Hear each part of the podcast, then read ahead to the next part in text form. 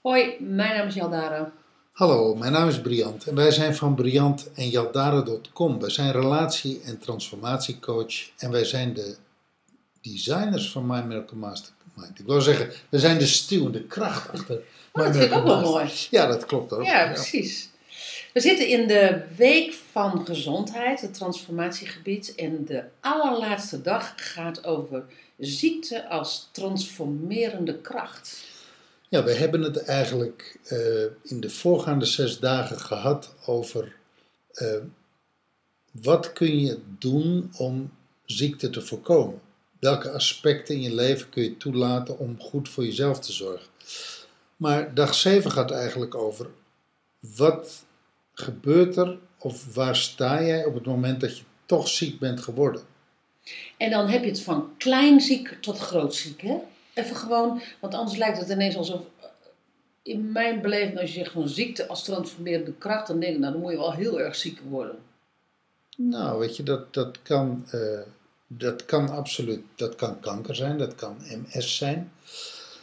Dat kan de ziekte van Crohn zijn, dat kan een nierbekkenontsteking zijn, dat kan migraine zijn, dat kan ziekte zijn. Ja, Nee, nee, precies. Rugklachten, nierklachten. eh, eh, You name it. You dus it, dus ja. gewoon echt van klein naar groot. ja. Ja. En we hebben natuurlijk in die voorgaande. Gisteren hebben we het heel erg gehad over eh, het verzamelen van kennis. En bij die ziekte, dan is de vraag: als je dan op een gegeven ogenblik ziek bent, ga je dan naar een allopaat, naar een, eh, een allopaat. Dus dat is een, een genezer, een, een dokter die werkt met medicatie. Dus laten we zeggen de, de gewone huistuin- en keukendokter. Of heb jij in de loop van je leven om je heen verzameld een groep therapeuten, een groep behandelaars, een groep genezers, die op een hele andere manier werkt? Eh, vakmatige helers, spirituele helers, energetische helers. Heb je dat pad onderzocht en heb jij een aantal mensen om je heen verzameld die op een hele andere manier werken met genezing? ik, ik noem het maar, een ortomoleculair acupuncturist of een ortomoleculair genezer. Iemand Een die, haptotherapeut. of een haptotherapeut of een craniaal osteopaat. Ja. Eh, en zo kun je er nog wel twintig noemen. Mensen die op een hele andere manier kijken naar ziekte en ziekte op een andere manier behandelen en ziekte ook op een andere manier aanvliegen. En waar we het vandaag over willen hebben is de ziekte als transformerende kracht. Waar staat ziekte eigenlijk voor? Wat wil ziekte mij eigenlijk laten zien? Is ziekte een spiegel? Is ziekte een trigger om jou te vertellen: luister, er moet echt iets gebeuren. Je hebt nu, je hebt nu zo lang jezelf uitgewoond, of je lichaam ontkend, of jezelf ontkend. Ja, nu grijp ik in met ziekte. The body bears the burden. Alles wat je, daar zijn echt boeken over geschreven. En daar zijn theorieën over. En daar zullen mensen zijn die zullen het niet met ons eens zijn. Oh, maar dan zal ik een heel simpel voorbeeld noemen. Gewoon in mijn bedrijfstrainingen zeiden, zeiden mensen zo van, ja, weet je, ik, ik heb altijd stress. eh, ik moet zo hard werken. eh, ik, ik moet dit, ik moet dat. Nou, he- een hele hoop moeten. En dan zei ik van, oké, wat ga je dan doen om je te begrenzen? Om te kijken hoe je met je energie, huishouding zit. Daar hebben we het overigens eh, op dag 5 van deze week ook over gehad. Ik zeg, want als jij het niet doet, is heel simpel, dan doet het lijf het. En één ding, het lijf doet het altijd veel later. Eh, Jij mentaal kan het eerder doen. Maar als het lijf het doet, doet het lijf het ook echt. En, en, en dan kan je echt verzekeren, dat heb je niet in een dag gefixt. En bovendien, wat er echt kapot is, dat is niet meer te helen. Er zijn, er zijn dingen in je lijf, er zijn eh, eh, delen van je lijf, die kunnen zo ziek worden dat je daar niet meer in kunt genezen.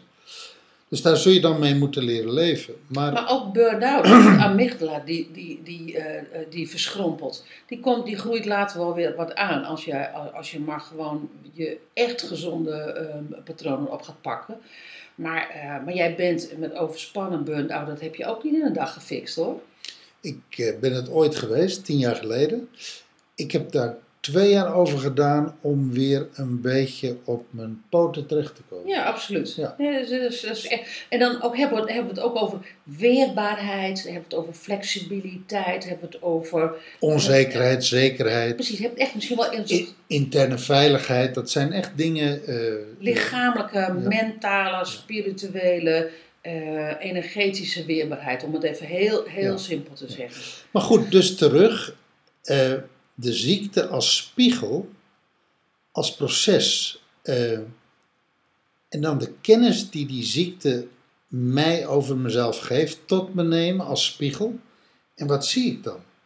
Wat heb ik dan nagelaten? Wat kan ik dan veranderen? Wat moet ik dan veranderen? Om alsnog over die ziekte heen te groeien, om te bloeien, om uit die klem te stappen, die gevangenis, die kooi. Waar kan ik mij bevrijden? Dus dat ik die ziekte als signaal gebruik, als een spiegel, als signaal, en dan als een helende en transformerende kracht. Nou, dan kom je natuurlijk ook wel op, ehm, want soms ben je letterlijk, ben je echt ziek. Maar kijk even naar de zoon van Maurice de Hond. Ik weet ook werkelijk niet hoe die jongen heet, maar die zit in een rolstoel, is halfzijdig verlamd.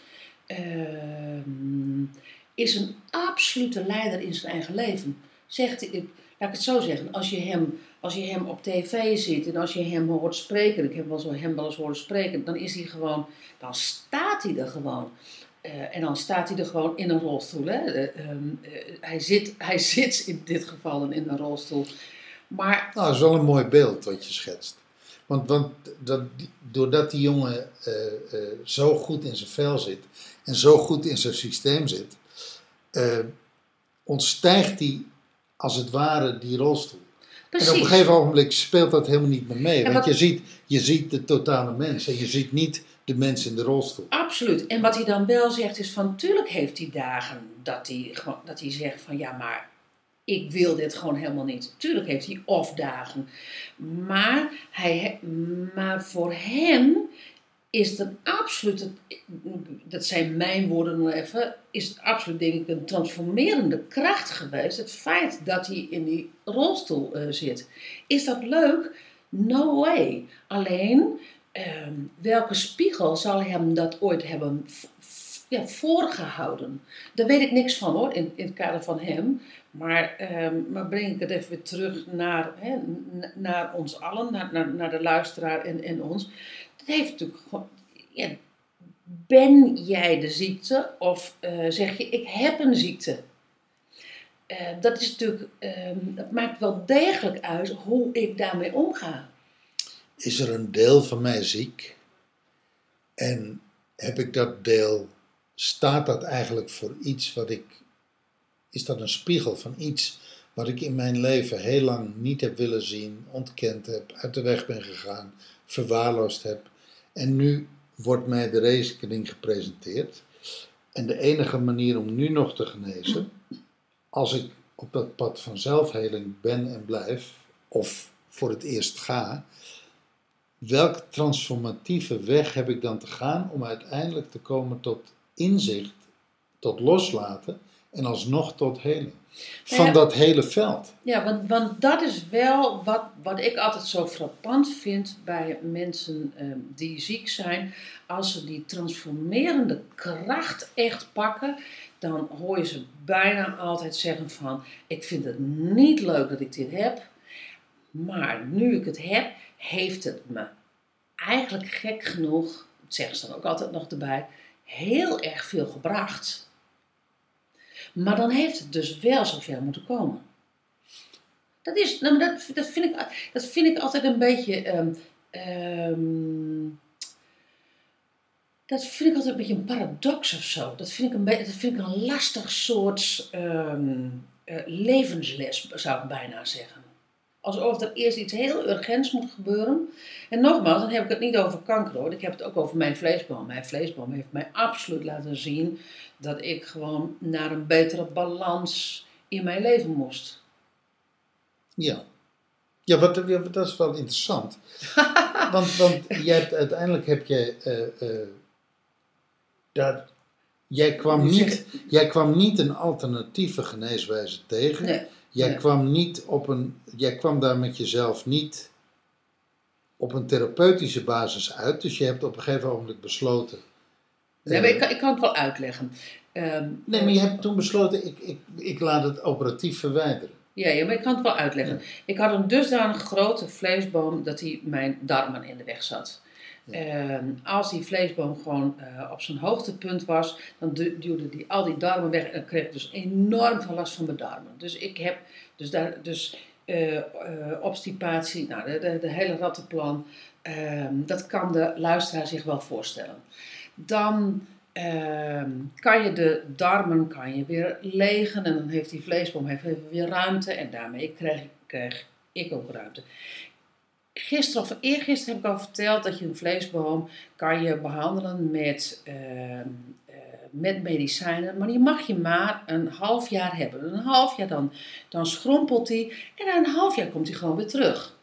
En ik heb het dan over een vleesboom van in ieder geval ehm, ruim 15 centimeter in het rond. Hè? Dus niet, dus niet zo'n bos, wat ook heel veel vrouwen hebben van al die kleine vleesboompjes.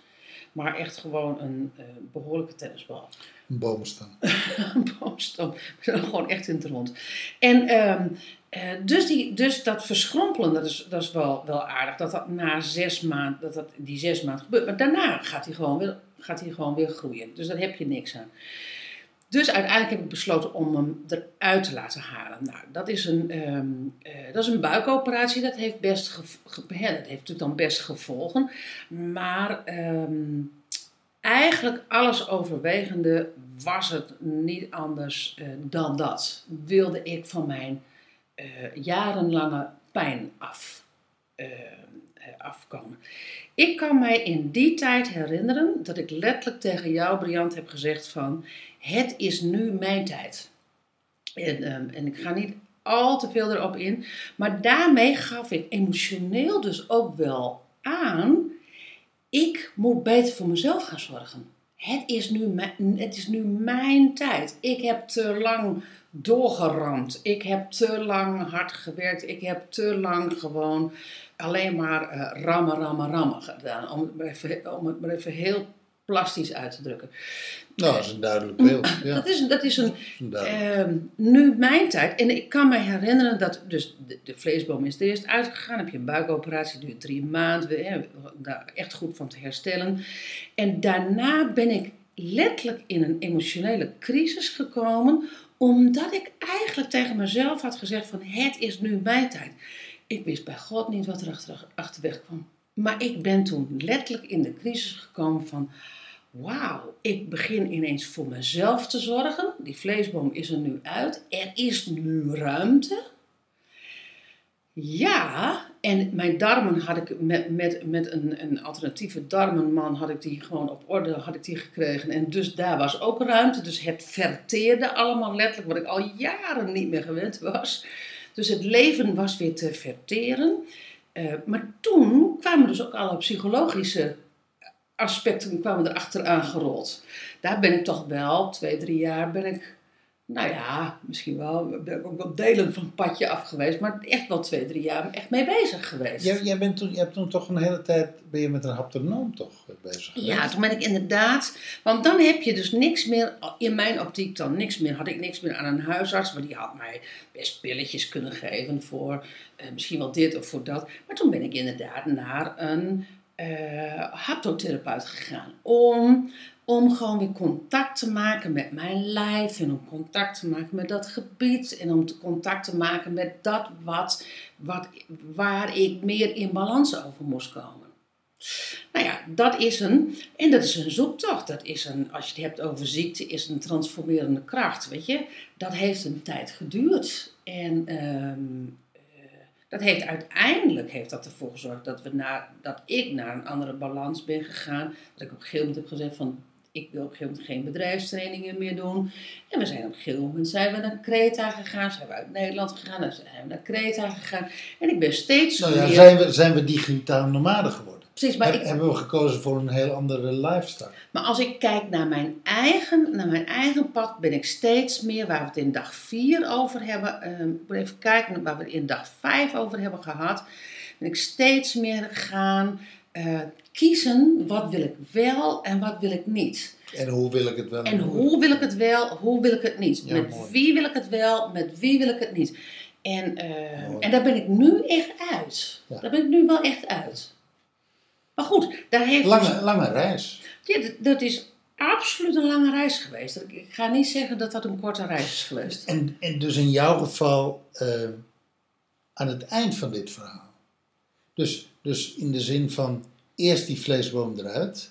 En daarna kwam eigenlijk pas de bewustwording. Ja, nou ja, nou ja In net, plaats van eerst de bewustwording waardoor de vleesboom er niet uit hoefde. Als dat had gekund, hè? Want soms, Ja, dat weet ik niet. Soms moet, je, soms moet je dus ingrijpen. in in alle eerlijkheid, dat weet ik niet. Dit was, dit was echt een, een bal van, van, van, van dik 15 centimeter in het rond. Dus ja, die voetbal in je buik. Eh, Laat ik het zo zeggen. ehm, dat weet ik gewoon niet. Eh, ik weet alleen dat ik op een gegeven moment dat heb besloten. Nadat ik een aantal jaren in het ziekenhuis steeds ge- gezocht heb naar een al- alternatief. En steeds weer, weer, nieuwe informatie, weer nieuwe informatie. En wat natuurlijk in dat geval zo is. Je hebt dat tijdens de hormonale leeftijd. Eh, nou, ehm, wanneer is je eerste ge- ongesteldheid en wanneer is je laatste ongesteldheid? Plus ehm, vrouwen zonder kinderen en zwarte vrouwen. Die zitten in de gevarenhoek van de vleesboom. Nou, je hebt geen kind. Dus je ik zat- heb geen kinderen, dus, ik, dus, ik, zat in dus de ik hoek. zat in de eh, geva- gevarenhoek, kennelijk. Maar mooi, mooi hoe je dat beschrijft. Dus, dus bij jou in dit geval was het proces na de ziekte Ja, ja, ja, ja. ja. en na de chirurgische ingreep kwam bij jou eigenlijk als naproces de bewustwording. Ja, ik denk ook wel dat dat toen in mijn tijd, dat is nu wel veranderd, eh, dat dat toen ook wel bij mij hoorde. Ik moest eerst gewoon een dreun op mijn hassers hebben, om het maar even zo te zeggen. Eh, en dan eh, medisch door de dokter bepaald. En daarna de les leren. Ja. Ik, ik, die ommedraai heb ik nu echt gemaakt. Je zou het nu anders doen. Nou ja, laat ik het zo.